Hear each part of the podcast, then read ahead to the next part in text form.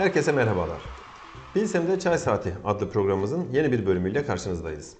Bugün stüdyo konuğumuz Nuri Pakdil Bilim ve Sanat Merkezi Psikolojik Danışmanı Sayın Emel Örnek Topçu Hocam. Hocam hoş geldiniz. Hoş bulduk hocam. Ee, ne iyi ettiniz de geldiniz. Ayaklarınıza sağlık. Teşekkür ediyorum hocam. Ee, hocam öncelikle sizi tanıyabilir miyiz? Ee, Emel Örnek Topçu. 1980 Mersin doğumluyum. İlk okulumu Mersin'de okudum. Ortaokulu ve liseyi Konya Akşehir'de tamamladım. Daha sonra lisans eğitimimi almak için Çukurova Üniversitesi'nde e, öğrenim gördüm. Şu anda da e, iki yüksek lisans programına aynı anda kayıtlıyım. E, Çukurova Üniversitesi'nde ve Düzce Üniversitesi'nde çalışmalarıma devam ediyorum. Kolaylıklar diliyoruz, başarılar diliyoruz. Sağ olun hocam. Malumunuz olduğu üzere stüdyo konuklarımıza çalışma alanlarıyla ilgili, uzmanlık alanlarıyla ilgili en genel soruyu sorarak başlıyoruz. Bu bizim klasiğimiz oldu.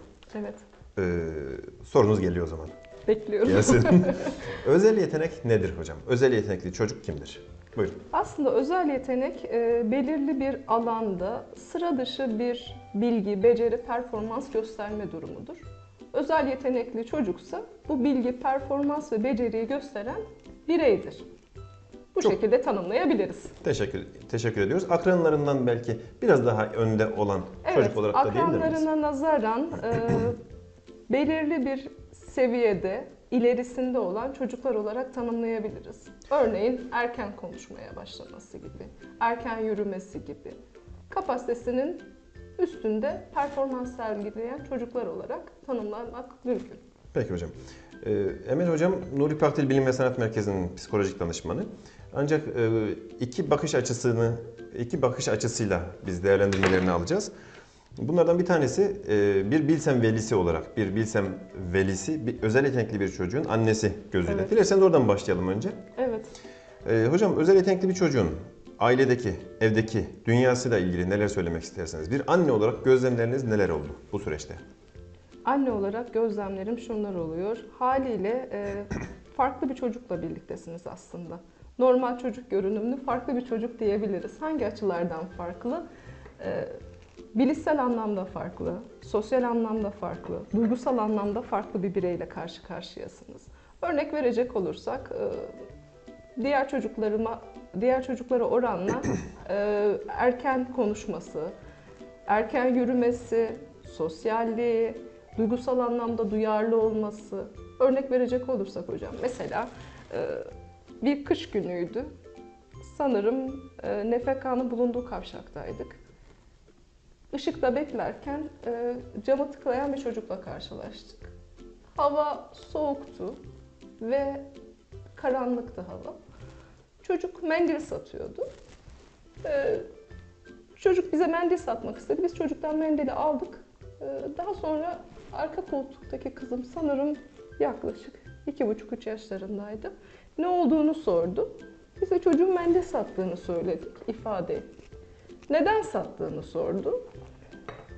Ve süreci anlatmaya başladık ona. Bir süre sonra arka koltuğa baktığımda sessizce ağlıyordu. Neden ağladığını sorduğumda hava soğuk, o çocuk üşümüyor mudur, ailesi yok mudur şeklinde e, endişelerini bize ifade etti. Aslında bu çocuklar yaşıtlarına oranla e, farkındalıkları daha yüksek çocuklar. Bireysel anlamda, e, toplumsal anlamda da çok duyarlı çocuklar.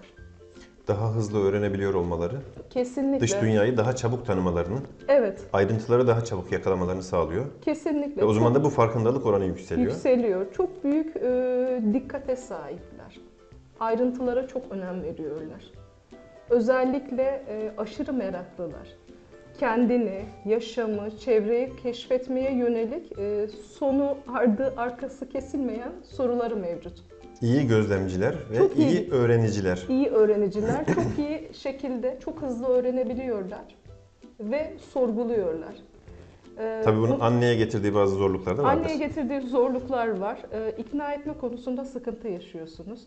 Öncelikli olarak e, her daim hazır cevaplarınız olması gerekiyor. İşbirliğine yatkın çözüm önerileriniz olması gerekiyor. Ve farklı zamanlarda verdiğiniz cevapların tutarlı olması gerekiyor mu? Kesinlikle e, çok güçlü bir belleğe sahipler, unutmuyorlar. Siz unutsanız da o unutmuyor. O zaman bir söz verirken ya da bir şey izah ederken Kesinlikle, geçiştirmemek. Kesinlikle. Dürüst olmanız gerekiyor ve gerçekleştirebileceğiniz sözler vermeniz gerekiyor. Ben halde- unutsam da o unutmuyor. İşte bunlar da annelerin zorlukları olabilir o zaman. Kesinlikle anneleri veya babaları, ebeveynleri zorlayan kısımları var. Özellikle ikna etme konusunda. Hani genel kuralları tanıma konusunda da kimi zaman sıkıntı ortaya çıkartabiliyorlar. Çünkü kendince bir çözüm önerisi var. Olaya bakış açısı var. Ve kolay kolay ikna edemiyorsunuz. Çünkü sorguluyor. sorguluyor, e, gözlemliyor, sizdeki çelişkiyi çok net şekilde ortaya koyabiliyor.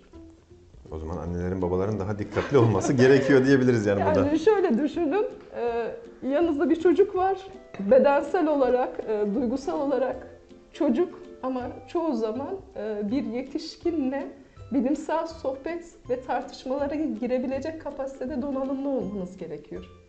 Çelişkiye düşmemeniz gerekiyor. Her daim hazırlıklı olmak gerek, hazır olmak gerekiyor belki de. Kesinlikle hem duygusal anlamda biraz da sabırlı yaklaşmak gerekiyor. Nihayetinde karşımızdakinin bir çocuk olduğunu da unutmamamız gerekiyor.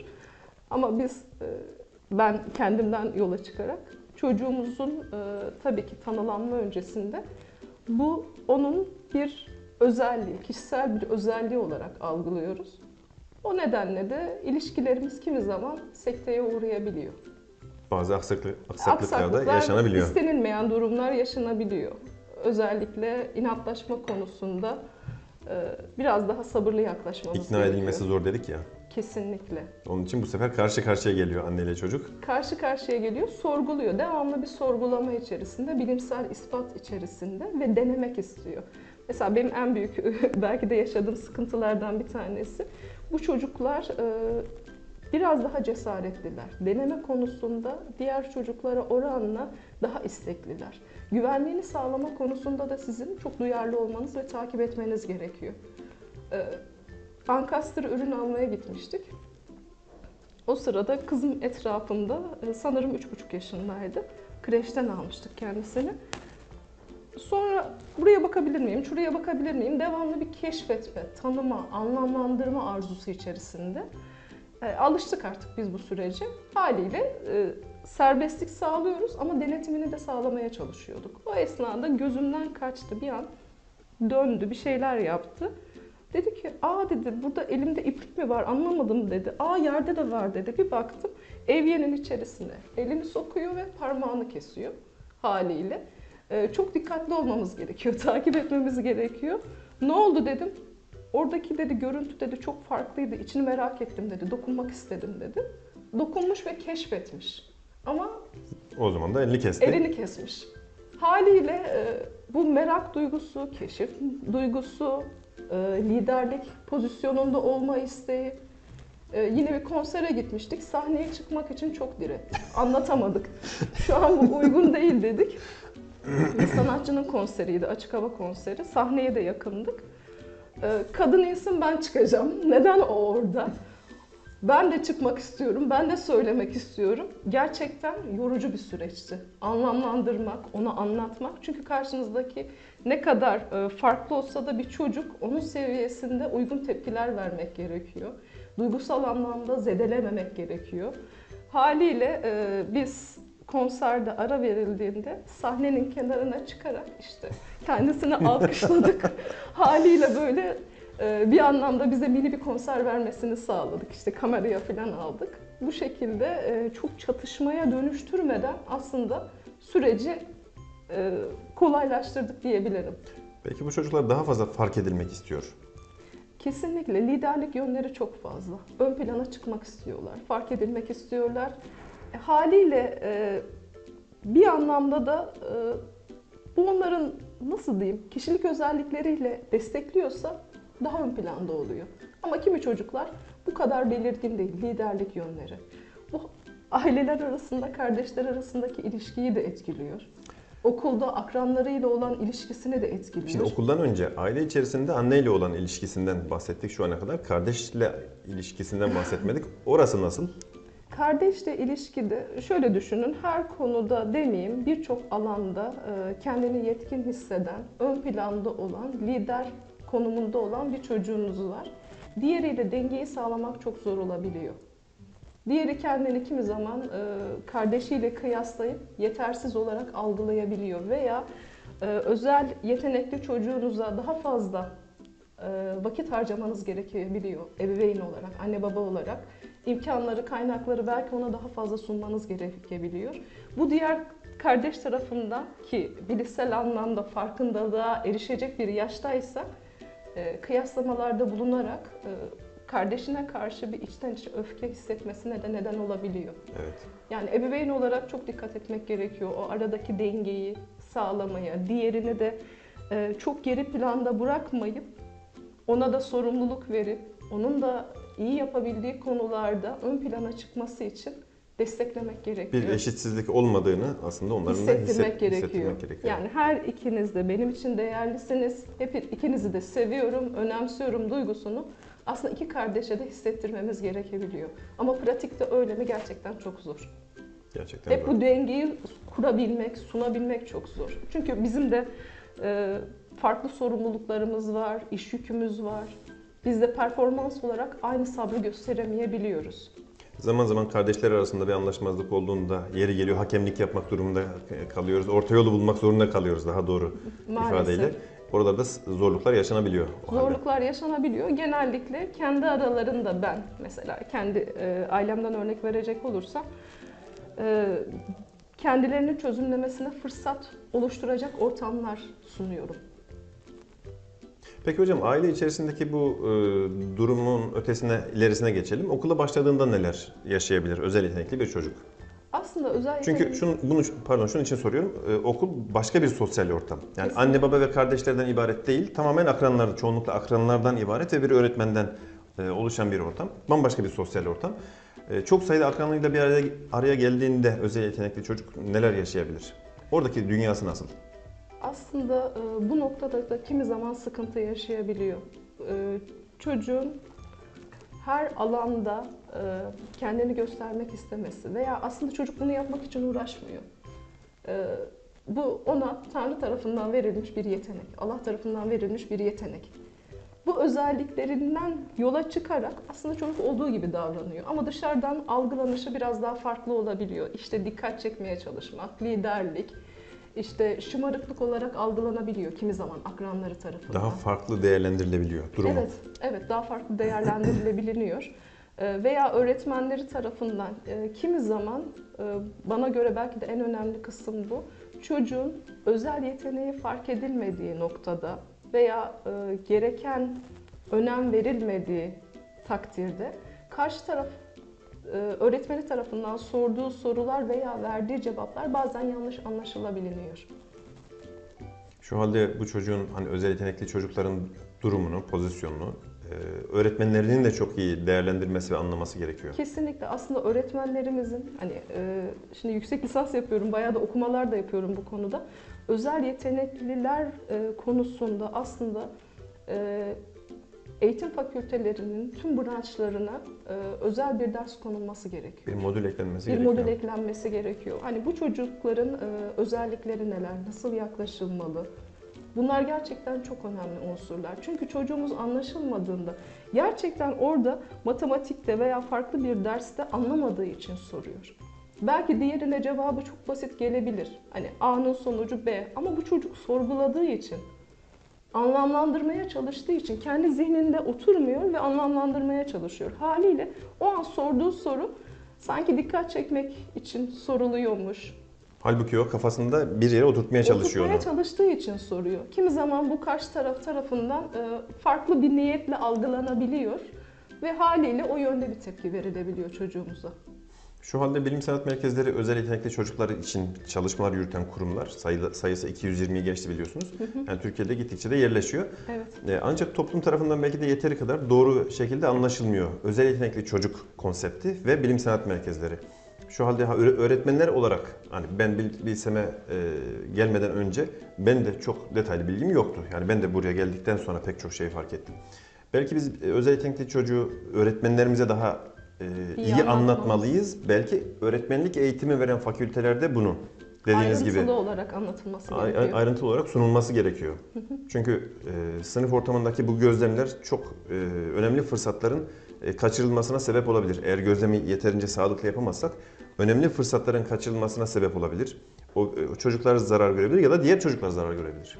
Kesinlikle tanılanma aşamasında hani önerilen çocuklar kısmında da çoğu zaman bu çocuklar fark edilmeyebiliniyor. Aileler de fark edemeyebiliyor. Dediğim gibi e, çocuğum tanılanıncaya kadar ben gösterdiği e, tepkileri, benimle inatlaşma, dikkat çekme veya bu çocuğun kişilik özelliği böyle, hani karakteri böyle. Artık ben bununla bu şekilde yaşamalıyım şeklinde kendime e, sözler vermiştim. Ama çocuk tanılandıktan sonra veya ben bu programda yüksek lisans yapmaya başladıktan sonra özel yetenekliler konusunda ayrıntısıyla okumalar yaptıktan sonra kimi zaman böyle arkama yaslandım ve dedim ki kızıma haksızlık etmişim. Aslında çocuk benimle inatlaşmak için bunları yapmıyormuş. Bu çocuğun normal bu şekilde hissettiği için, bu şekilde algıladığı için bu şekilde davranıyormuş. Kimi zaman e, bu noktalarda kaçırdığımız e, şeyler olabiliyor. Hem öğretmenler olarak hem anne babalar olarak yaklaşım olarak e, sıkıntı yaşayabiliyoruz. Tam burada biraz özel yetenekli çocukların e, ihtiyaçlarına yönelebilir miyiz? İhtiyaçları olarak neleri netle ortaya çıkarmalıyız, öne çıkarmalıyız? Aslında sadece özel yetenekli çocuklardan ziyade çocuklar genel itibariyle e, karşısındaki bireyin kendisini anlamasını istiyor. Biz insan olarak anlaşılmak istiyoruz. Karşı taraf tarafından değer görmek istiyoruz. Anlaşıldığımız oranda kendimizi ifade ediyoruz ve karşı tarafla etkileşime giriyoruz. Anlaşılmadığımızı, önemsenmediğimizi hissedersek içimize kapanıyoruz, iletişimi kesiyoruz veya e, iletişim engelleri sunuyoruz. Yani gerçekten bu özel yetenek- yetenekli çocuklar için değil, herkes için geçerli Herkes aslında. için geçerli ama bu çocuklar e, hocam biraz daha e, duygusal anlamda duyarlı oldukları için, bilişsel anlamda e, Farkındalık. farkındalıkları yüksek olduğu için e, bizim aslında ses tonumuzdan, mimiklerimizden gerçekten onları önemseyip önemsemediğimizi, algıları çok açık olduğundan hemen fark edebiliyorlar. Her ne kadar aa evet tamam ben seni dinliyorum desek de gerçekten o an ses tonumuz, beden dilimiz veya işte telefonumuzla ilgilenip ona tam yönelmeyişimiz bile o çocuğa çok mesaj verebiliyor ve kendine kapatabiliyor bu konuda. O yüzden ne yapıyorsak yapalım öncelikli olarak çocukların e, göz seviyesine inerek, göz teması kurarak gerçekten ne demek istediğini bütün canı gönülden dinleyerek karşılık vermemiz gerekiyor. Önemsenmek istiyorlar. Duygularını kabul edilmesini istiyorlar. Düşüncelerine önem verilmesini istiyorlar. Yani kalkıp size uçan arabası için gerekli malzeme listesini sunabilir bir gün çocuğunuz. Ya git hadi o yapılmış veya o yapılmamış şeklinde yanıt vermektense "Hmm, ne yapmak istiyorsun, başka neler olabilir şeklinde destekleyici, cesaretlendirici, e, şevkini ve e, merakını kırmayacak şekilde davranmamız gerekiyor. Bu önemsenme konusunda benim şimdi aklıma gelen bir e, ayrıntı oldu. Bir gün ben de kızımla 3-3,5 yaşındaydı, çok küçüktü o zaman. E, Yolda giderken bir öğretmen arkadaşımla karşılaştım. E, Arkadaşımla biz bir iki dakika sohbet ettik. Sonra e, arkadaşım ayrıldı. Ben kızıma döndüm baktım. Surat bir karış böyle kaşlarını çatmış. Ne oldu dedim. Beni fark etmedi dedi. Yani onun gözünden aslında ben o zamana kadar ben de çok fark etmemiştim. Şimdi 3,5 yaşındaki çocuğun gözlerinden böyle hani o seviyeden baktığınız zaman iki tane büyük Devasa insan. onlar konuşuyorlar, gülüyorlar, eğleniyorlar, sohbet ediyorlar, ayrılıyorlar ve hiç kimse sana bir ilgi göstermiyor. Hiç kimse seni e, muhatap almıyor. E, Ben o günden itibaren yani ben de hep e, mümkün mertebe ta- e, karşılaştığım e, ar- arkadaşlarımın, akrabalarımın çocuklarına da selam verip onlara da e, ilgi göstermeyi alışkanlık haline getirmeye çalıştım. Çünkü o bana bir ibret oldu çünkü. E, Gerçekten bir empati yaptığınız zaman, o gözle baktığınız zaman aslında gerçekten ağır bir duygu. Yani hiç dikkate alınmamak. Yok sayılmak. Yok sayılmak. Yani fark edilmemek hatta. Evet. Beni fark etmedi dedi. Başka bir şey demedi zaten. Biraz işte yumuşatmaya çalıştım falan. Yok öyle gitti o. Uzun süre beni fark etmedi. o duyguyla gitti. Dolayısıyla bu herkes için geçerli ama özel yetenekli Özel çocuklarda yetenekli çocuklarda daha dikkatli daha olmak da gerekiyor- dikkatli olmak gerekiyor. gerekiyor. Çünkü dediğim gibi hani farkındalık düzeyleri çok yüksek. Sosyal anlamda da e, duygusal anlamda da duyarlı oldukları için çevrelerini çok iyi gözlemliyorlar ve buna göre e, reaksiyon gösteriyorlar. Özel yetenek tek bir yetenekten bahsetmiyoruz. Yani bilim sanat merkezlerine gelen öğrenciler genel yetenekten de geliyor, resimden, müzikten de geliyor. Evet. Mesela çocuk müzik alanında yetenekli ya da resim alanında yetenekli. Ona imkanlar sağlamak gerekir diyebilir miyiz? Aslında e, çocuk özel yetenekli olsun olmasın tüm çocuklarımıza farklı uyaranlarla zenginleştirilmiş ortamlar sağlamamız gerekiyor ki kendilerindeki e, potansiyeli fark etmelerini sağlayabilmek için, fark ettirebilmek için, ilgilerini, yeteneklerini gözlemleyebilmek için e, fırsatlar tanımamız gerekiyor. Ne kadar çok uyaran, o kadar çok e, farkındalık diye düşünüyorum ben. Özel yeteneklilerde tabii ki zenginleştirilmiş ortamlar daha önemli. Daha fazla ön plana çıkıyor. Ki e, Bilim Sanat Merkezi'nin zaten temeldeki politikası da bu şekilde. Zenginleştirilmiş müfredatla çocukları farklı yönlerden de desteklemek. Özel yetenekli çocukların anlaşılması dedik. Orada şu soruyu sorabilir miyim? Ee, özel yetenekli çocuk okulunda bütün derslerde şampiyon olmak zorunda mı? Bütün derslerde birinci olmak zorunda Şöyle mı? söyleyeyim hocam, biz her Notlarının- konuda iyi miyiz? Notlarının hep en yüksek olmak olması mecbur mu? Yani Kesinlikle böyle bir zorunluluk var Böyle mı? bir durum değil. Zaten böyle bir beklenti çocuktan insani bir beklenti olmaz. Biz artılarımızla, eksilerimizle, her yönümüzle, doğrumuzla, yanlışımızla insanız. Bir bütünüz. Bir bütün olarak algılamak gerekiyor. Hepimizin iyi olduğu noktalar var, e, daha az iyi olduğu noktalar var. E, Bu nedenle çocuklarımıza da sadece akademik anlamda veya sanatsal anlamda e, yüklemeler yapmamamız gerekiyor. Haksızlık olur değil mi? Kesinlikle haksızlık olur. Yani şöyle düşünün, bu sefer sadece başarısının önemsendiğini hissediyor. Annem babam beni birey olarak onların çocuğu olduğum için sevmiyor, kabul etmiyor. Başarılıysam Başarılı- başarılıysam seviyor. seviyor. Bu da ne oluyor? Ee, Ailelerimize mis gibi bir sınav kaygısı olarak dönüyor sayın velilerimiz. Özellikle ben bunu vurgulamak istiyorum. Çünkü bu e, çocuklardaki beklentimiz her ne kadar ifade etmediğini söyleyecek velilerimiz ama onlar bizim konuşmalarımızdan, ses tonumuzdan veya bir başkasıyla sohbet ederken çocuğumuza dair paylaştıklarımızdan bütün mesajları algılıyorlar. Ses tonu olmasa dahi şu notu aldım dediğindeki yüz ifadenden bile o bile bir baskı unsuru. Yıllarca e, lisede çalıştım. E, öğrencilerimin en büyük sıkıntılarından bir tanesi şuydu. İşte akademik başarıyla ilgili e, sohbetlerimizde hocam dedi işte 90 aldım. Veli ise şunu söylüyor. Sınıfta 100 alan var mı? Kaç kişi 100 aldı? Aslında bizim vermek istediğimiz mesaj şu oluyor. Sen de 100 alabilirdin. Niye 100 almadın? Niye birinci değilsin? yetersizsin. Hani karşıya aslında uyandırdığımız mesaj bu oluyor. Ama şunu ifade etmemiz gerekiyor. 90 da alsan, 100 de alsan veya 50 de alsan ben seni seviyorum. Daha iyi olacağını biliyorum. İstersen daha iyisini yapabileceğini biliyorum şeklinde o duyguyu gerçekten çocuğumuza hissettirmemiz gerekiyor. Sonra şikayet ediyoruz. Çocuklar yarış atına döndü vesaire diyoruz ama toplum olarak biz her şeyi not...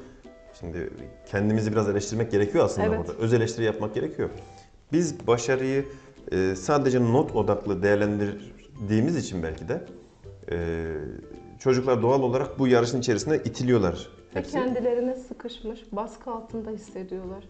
Yani yine lisedeki e, öğrencilerimle konuşmalarımızdan bir paylaşımda bulunmak istiyorum. Yani çocuk bütün gün okulda, daha sonra etüt merkezine gidiyor ve eve geldiğinde saat 11. Hocam diyor sadece banyomu yapabiliyorum, yemeğimi yiyebiliyorum ve uyuyorum. Ben bir daha diyor 16 yaşında olmayacağım, 17 yaşında olmayacağım. Ciddi anlamda düşündüğümüzde birçok şey yapmak istiyor. Veya e, yine bir paylaşım fen lisesi öğrencimiz yani sosyal etkinliklere zaman ayırmak istiyor. Ama bu onu talep ettiğinde bile karşı taraf tarafından çok daha sert karşılanabiliyor. Gerek aile, gerekse okul yönetimi, çocuğa yönelik beklentiler çok fazla. Ama o çocuk bir daha o yaşta olmayacak. O akranlarıyla o paylaşım ortamını bir daha oluşturamayacak. Aslında her dönemin e, Bir sürü bir şey kaçırıyor aslında o çocuk. Kaçırıyor. Hayatından ödün kaybediyor, veriyor. ödün veriyor. Evet. Aslında yani denge bizim belki de hayatta e, temel kavramımız denge olması gerekiyor. Dengeyi aşmamak. O az önce bahsettiğim minik kızım şimdi benim lise öğrencisi, 11. sınıf fen lisesi öğrencisi. Hocam gerçekten dediğiniz gibi yani e, sosyal hayat anlamında Hiçbir aslında şey yok. hiçbir şey yok. Hiçbir Yani şey. derslere giriyor, yoğun bir şekilde etütlere katılıyor. Hafta sonu hani varsa kurslarına katılıyor okulun. Test çözüyor, soru bankası çözüyor, soru çözüyor ama e, Bu çocuk kendini gerçekleştirme anlamında, duyguları anlamında ne yaşıyor? Vallahi tartışılır. Yani inanın tartışılır.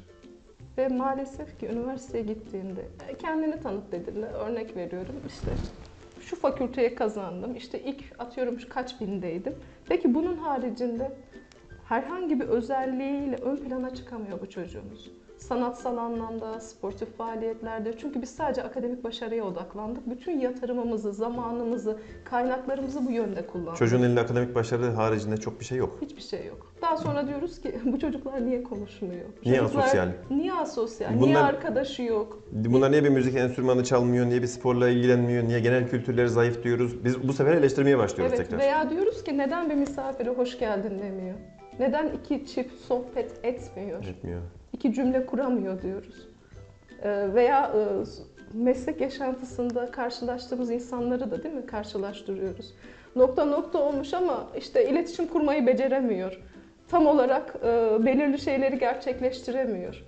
Sadece ona odaklandığımız için aslında bu Halbuki- sonucu oluşturan biziz. Biz onlara bir profil biçtik, hazırladık. Bir profil Evet, oluşturduk. o kalıba Fen yerleştiriyoruz. lisesi öğrencisi şöyle olmalı ya da lise öğrencisi böyle olmalı. Hep ders, hep ders. Onun dışındakileri biz e, arka plana ittik. Evet. Sonuç olarak karşımıza bu durum geldiği zaman da Yine biz şikayetçi biz oluyoruz. eleştiriyoruz yine.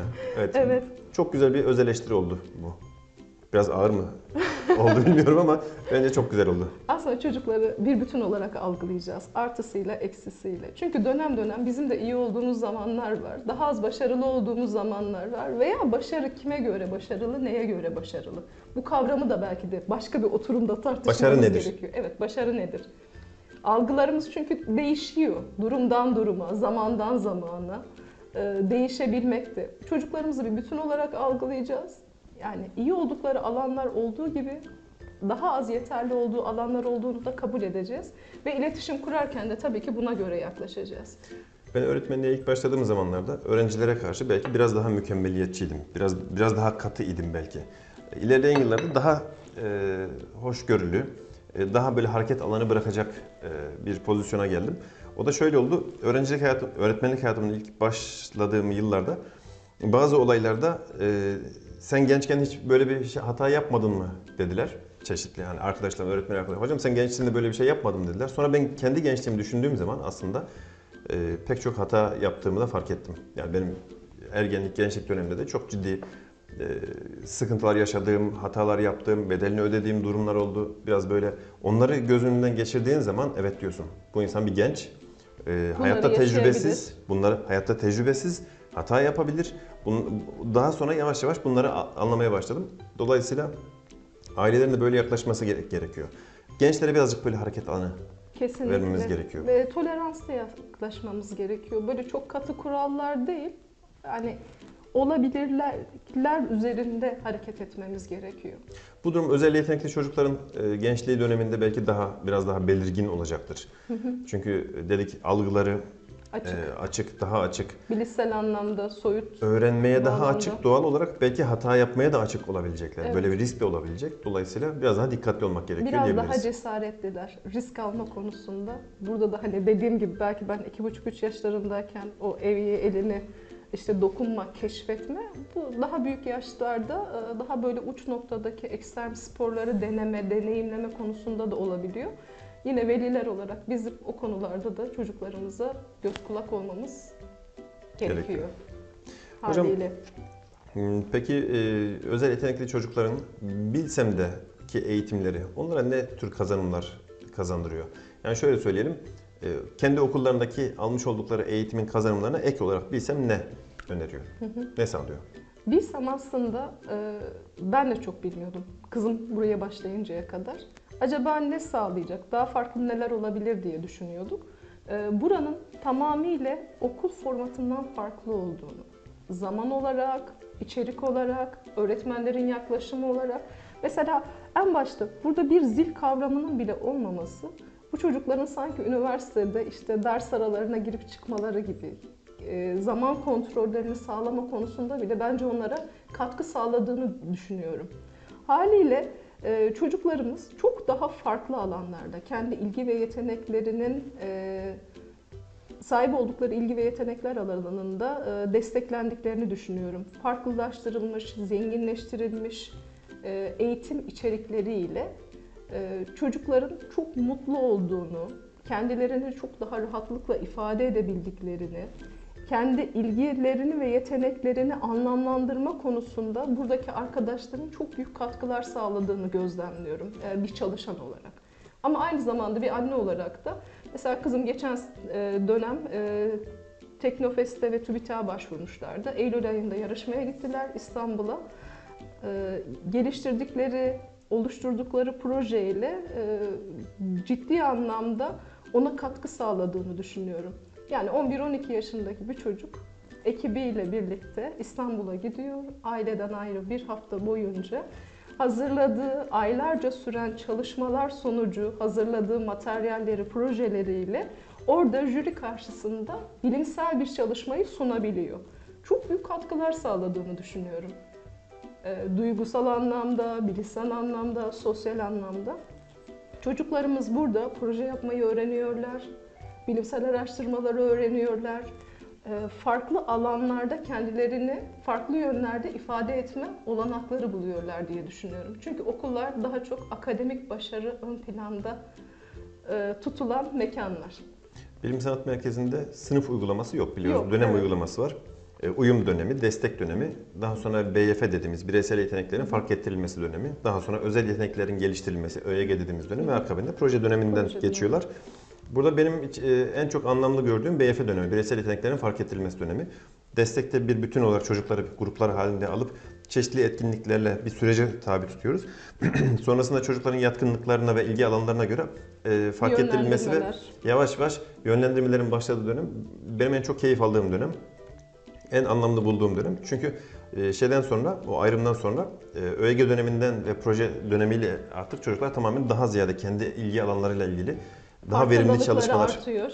farkındalıkları artıyor, daha çok yatkın oldukları, sevdikleri işleri yapıyorlar. Evet. Dolayısıyla bilim sanat merkezleri bu anlamda e, iyi yapılandırılmış görülüyor. çok büyük katkılar sağlıyor Katkılar çocukların sağlıyor. gelişimi için ve bundan sonraki yaşamlarındaki mesleki kariyerlerini belirleme noktasında da dediğiniz gibi o alanlar çok büyük destek sağlıyor. Aslında buradaki öğretmenlerimiz sadece bir eğitmen öğretmen değil aynı zamanda e, bir mentörlük sürecinin de içerisinde yer alıyorlar. Çünkü çocuk gerçekten öğretmenlerimizi model alıyor. Öğretmen her yönüyle çocuğu tanıyor. Birebir iletişim kuruyor. Ben çok büyük katkı sağladığını düşünüyorum hocam yani gerçekten. Bir veli olarak. Yani okul ben bilsem öncesi öğretmenlik dönemini düşündüğüm zaman hani okul ortamındaki öğrenci öğretmen ilişkisiyle bilim sanat merkezindeki öğrenci öğretmen ilişkisi daha farklı oldu. Evet haklısınız. Yani buradaki e, yakınlığımız, buradaki birlikte müşterek iş yapma ortamımız e, daha farklı bir e, diyaloğu beraberinde getiriyor. Gerçekten daha farklı bir tecrübe Aslında yaşıyoruz. benim en başta gözlemlediğim şey şuydu hocam. Bir veli olarak da gözlemliyordum bunu. Çocuğumu getirdiğimde kuruma beklerken çok rahatlıkla görebiliyoruz. Şimdi teneffüslerde öğretmen birebir hani diyeceksiniz ki nöbetçi öğretmen mi değil mi? Hayır o şeye bakılmıyor. Maksızın öğretmen çocuğu tamamıyla takip ediyor. Her türlü gelişiminden sorumlu. Arabasına bininceye kadar, karşılamadan tutun işte e, okul içerisindeki tüm hareketlerine kadar, yediği içtiğine kadar yakın bir ilgi söz konusu. Bu benim çok hoşuma gitmişti. Normalde belki de e, normal okullarda haliyle öğrenci sayısı fazla olduğu için öğretmenlerimiz bu kadar birebir yakın bir ilgi gösteremiyorlar. Daha fazla vakit ayıramıyorlar belki. Evet, daha fazla vakit ayıramıyorlar. Bunun haricinde çocukla aralarında eşit bir ilişki var. Çocuğa sanki bir yetişkin gibi davranıyor burada öğretmenlerimiz. Mesela benim en çok hoşuma giden buydu. Hani çocuk da bu yakınlığı hissettiği için haddini aşmayarak, o seviyeyi koruyarak gerçekten etkili bir iletişim kuruluyor. Güveniyor. Şimdi biz kendimizi güvende hissedersek, ait olduğumuz ortamda hissedersek bir şeyler öğrenebiliriz. Yoksa diğer türlü e, rahat hissetmeyiz. E, ne zaman çıkıp gideceğimizi veya birazdan ne olacağı konusunda kaygılarımız şu anki öğrenmemize de etki edebilir. Belki de buranın en güzel tarafı oydu. Gözlemlediğimiz öğretmenlerimiz gerçekten birebir yakın iletişim kurarak çocukların e, meraklarını açıklayarak, merakları oldukları yönde gerekli bilgilendirmeleri yaparak e, çocuklarımıza katkı sunuyorlar diye düşünüyorum. Yani umuyoruz bu e, süreç çocuklarımıza en iyi şekilde, maksimum derecede e, katkılar sağlar ve totalde de ülkemizin insan kaynaklarına en iyi şekilde katkılar sağlar. Kesinlikle hem bilimde hem sanat alanında hani iki taraftan da değerlendirecek olursak bu çocuklar ülkenin geleceğine yön verecek çocuklar. Ama uygun ortamlar sağlanıp uygun şekilde desteklenirlerse. Evet. Yoksa tam tersi yönde de olumsuzlukları beraberinde getirebileceklerini düşünüyorum. Umarız dediğimiz gibi bu e, imkanları en iyi şekilde değerlendiririz. Ülkemizin geleceğine de en iyi şekilde katkı sağlamış oluruz hep birlikte. Kesinlikle yani bu sadece öğretmenlerimizin değil ailelerimize burada çok büyük görevler düşünüyor. Ben de bir aile olarak bir Son anne olarak ben olarak ailelerinize mesajınızı alabilirim aslında tam bu noktada. Yani öncelikli olarak e, sadece hocam akademik başarıyı önemsemesinler. Çocuğu bir bütün olarak kabul etsinler. Çünkü gözlemliyoruz tamam önümüzde sınav denilen bir gerçek var ama hayat hep sınavdan ibaret de değil. Hani e, mesleki anlamda baktığımızda şu an e, gerçekten işini yapan ve mutlu olan kişi sayısının az olduğunu görüyoruz. Hani bakıyoruz farklı bir alanda çalışıyor. Hangi alan mezun olduğunu soruyoruz. Bambaşka bir alandan geldiğini görmekteyiz. Yani önemli olan hayattaki başarı. Akademik başarı değil. Çünkü birçok örnek var bize bunları gösteren. Çocuklarımızı bir bütün olarak kabul edeceğiz. Onlara insan olduğu için, bizim çocuğumuz olduğu için değer vereceğiz. Ve anlamaya çalışacağız. E, başarı kadar başarısızlığın da normal olduğunu, olabilir olduğunu e, önce biz kabul edeceğiz. Kabul etmeliyiz hocam zaten. Yani geriye dönüp kendi yaşantımıza baktığımız zaman yani yaptığımız hataları zaten bir gözden geçirirsek, başarısız olduğumuz e, konularda gözden geçirirsek bunu anlamalıyız zaten. Anlamalıyız ama e, kimi zaman bu anne baba e, tutumlarıyla çoğu zaman e, fark etmeyebiliyoruz. Yani bir sınav var e, ve çevremizde çoğu zaman ben de bu sürecin içerisine girmiş Elbette olarak ki anne baba görüyorum. olarak çocuğumuz için en iyisini istiyoruz. İstiyoruz. E, en iyi pozisyona gelmesini, geleceğinin daha konforlu, daha iyi olmasını elbette istiyoruz ama bunu yaparken, bunu isterken Çocuğumuzun da duyguları, düşünceleri ve istekleri olduğunu göz ihmal, ardı onları etmememiz ihmal gerekiyor. etmememiz gerekiyor. Yani bana göre en büyük belki de en önemli kısım bu. Yani çünkü sonuçta karşımızdaki çocuk veya ergen veya genç hani 18 yaşına kadarki süreci değerlendirecek olursak bulunduğu gelişim döneminin özelliklerini dikkate alarak yaklaşmamız gerekiyor. Hani kimi zaman bir çıkışı olabiliyor. Biz onu saygısızlık olarak düşünüyoruz ama yine dediğim gibi ikna olmadığı veya e, kafasına yatmadığı noktalarda sorgulama süreci olabiliyor. Ki ergenlikte zaten bu e, üst seviyelere ulaşan bir dönem. Evet. O yüzden e, özel yetenekli bireylere sahip e, ailelerin, Ailelerin. ergenlik sürecine belki de iki kez dikkat etmeleri gerekiyor. Hocam bu keyifli sohbet için teşekkür ederiz. E, başka bir programda tekrar sizinle bir söyleşi yapmayı arzu ederiz. Ben teşekkür ederim hocam. Katılımınız için de tekrar tekrar teşekkür ediyorum. Ayaklarınıza sağlık. Ben teşekkür ederim hocam. Çok sağ olun. Keyifliydi. Bilsen'de Çay Saati programımızın sonuna geldik. Başka bir bölümde tekrar karşınızda olmayı diliyoruz. Şimdilik hoşçakalın efendim.